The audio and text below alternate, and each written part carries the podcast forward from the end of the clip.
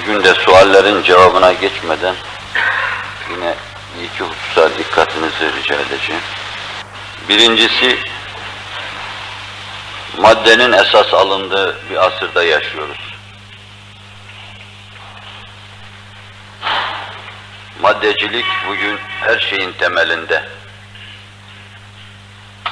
Ailevi hayatta madde, içtimai hayatta madde, insanın düşünce hayatında madde, ilim hayatında madde, öyle ki madde olmayan şeyler hakikaten eserleri, semeresi görünse dahi üstü kabul görmemekte. Allah'a inananlar bile bir bakıma esbab-perest. Onların Allah'a inanmaları bile, kainatı Allah yarattı, zerreleri Allah hareket ettiriyor, inanmaları gereken formüller içinde böyle demeleri gerektiği için diyorlar. Pek çokları. Yoksa haddi zatında kalplerinde ağzın böyle söylüyor ama sebeplerin tesiri yok değil falan diyor kendi kendine. Madde bu kadar kalpleri ifsad etmiş, ruhları ifsad etmiş. Maddi bir asır. Duygular ve düşünceler böyle berbat edilince bize sorular teveccüh eder.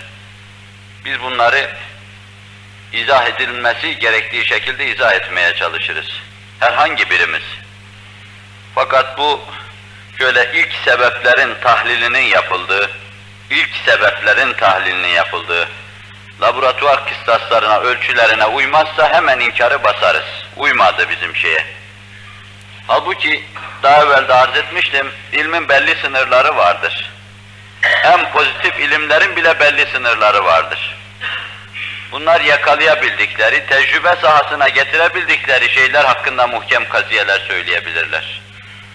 Şurası muhakkak ki ilim, en pozitif ilimler dahi kendi sahalarında milyonda bir, bir husus hakkında kat'i hüküm verebilseler bile milyonda birin dışında kalanların hepsi tereddüttür, zandır, faraziyedir, bir kısım şeylere bağlamaktır. Binaenaleyh bir bakıma ilmin yüzde 99'una veya binde biri müstesna geriye kalanına esas akıl, akıl hakim, rasyonalizm hakim. E, meseleyi bu açıdan ele alacak olursak insaflı olmak lazım. Bizim meselelerde hemen çarçabuk tenkit etmemek, inkar etmemek lazım. Müslüman da bir bakıma meseleleri akıl açısından ele alır. Fakat Müslümanın akıl açısından meseleyi ele alması, vahyin ışığı altında, ilhamın ışığı altında aklın rehberliğiyledir. Ama bir Descartes akılcılığı, rasyonalizmi veya ilk Yunan filozofların akılcılığı tamamen akla hakim kılma şeklindedir. Vahyiden ilham alma, ilhamdan ilham alma meselesi bahis mevzu değildir. Biz böyle ikili yönüyle aklı esas alırız. Müşahedeye tabi olan şeyler müşahedeye tabidir. Müşahedeye tabi tuttuğumuz şeylerden akli terkipler çıkarız, tahliller çıkarız ve bir kısım neticelere varırız. Binaenaleyh kainatta müşahede ettiğimiz şu kitabı kebiri kainat, pek çok kanunlarıyla, kıstaslarıyla olup biten hadiselerin arkasında bir Allah'ın mevcudiyetini gösteriyor.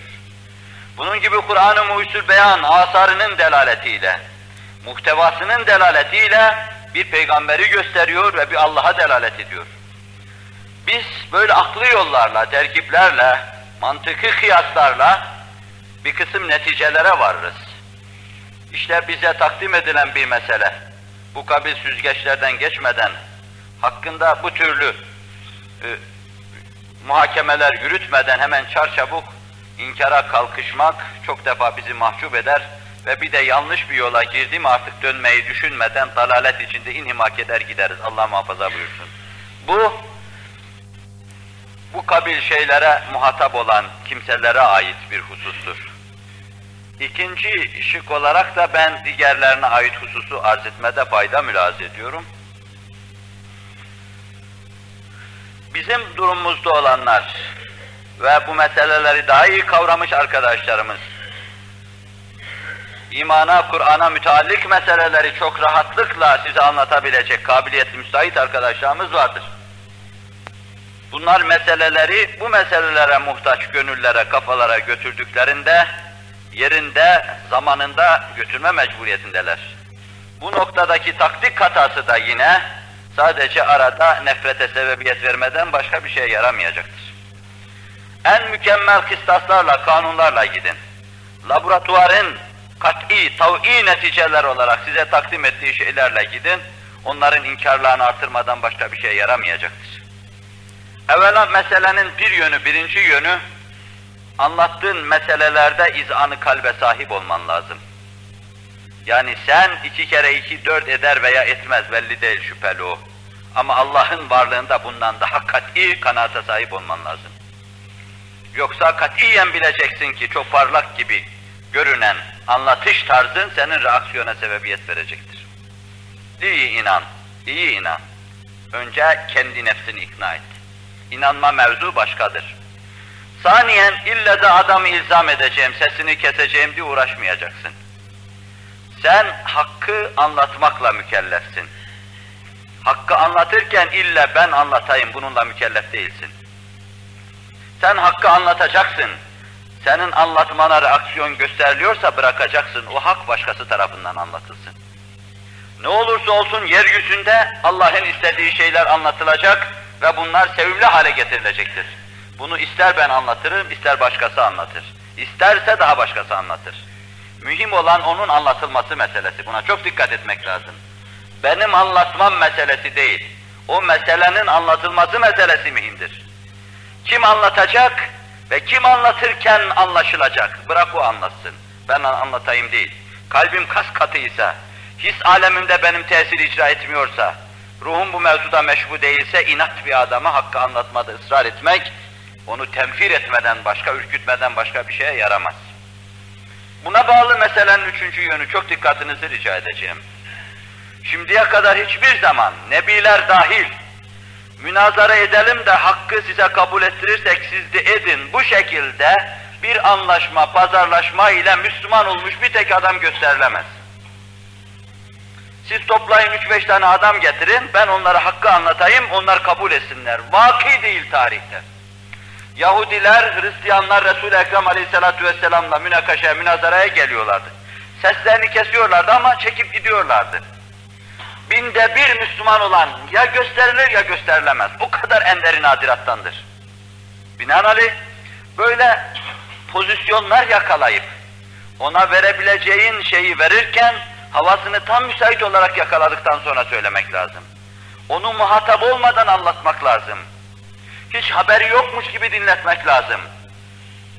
Belki işte bu suretlerde enaniyeti reaksiyon göstermeyecektir. Yoksa en ahmak insanları toplayın.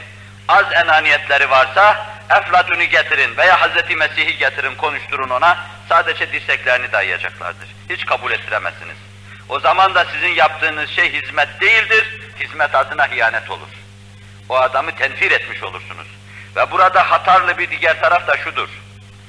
Birini hemen bir celsede halledemezseniz şayet, bir oturuşta bir adamın sesini kesip bütün şüphelerinin kökünü kurutamazsanız şayet, tereddütle kalkarlarsa, onlara karşı davanız adına söylediğiniz şeylere ikinci celsede sizinle karşılaşmak üzere gelirken bir sürü vahid deliller toplamış olarak gelirler. Ben altından kalkamayacağım bir soruyu bana tevcih etseniz burada, ertesi hafta sizin karşınıza çıkacağım ana kadar namazımda, niyazımda, yatağımda, her şeyimde ben bu mevzuda size söyleyeceğim 10 tane söylemem gerekiyorsa 20 tane şey bulmaya çalışacağım. Ve işte bir celsede işini bitiremediğiniz mürtet, kafir veya mütereddit, ona kendi batıl davası uğrunda çeşitli şeyler öğrenme fikrini ilham etmiş olacaksınız. Yani kafirliğinde kaşerleşecek o, inat edecek, delil bulacak karşınıza öyle çıkacak. Bunlar hizmet ediyorum diye yanlış taktiklerle hizmet adına ihanet etmektir. Biz Mevla'yı müteali sevdirmeye çalışacağız. Ve bu uğurda da sadece onun hatırıyla hareket edeceğiz.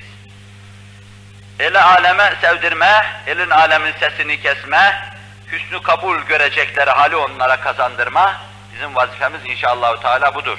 Eğer bize karşı reaksiyon oluyorsa, biz konuşurken dirseklerini dikiyorlarsa, o zaman bırakalım o meseleyi başkası anlatsın, biz anlatmayalım.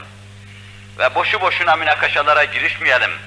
Mekteplerdeki münazaralar bu sadece talebelerin ilmi araştırma, fikri gelişmelerini temin maksadına matuf olursa bir şeye yarar. Yoksa bir tarafın sesini kesme, bir tarafa bilmem ne yapma bakımından hiçbir faydası yoktur. enaniyeti körüklemeden başka, fikirlerin reddedilmesini temin edilmeden başka hiçbir faydası yoktur. Dikkatinizi rica edeceğim hususlar bunlar olsun. Reddi edebilirsiniz.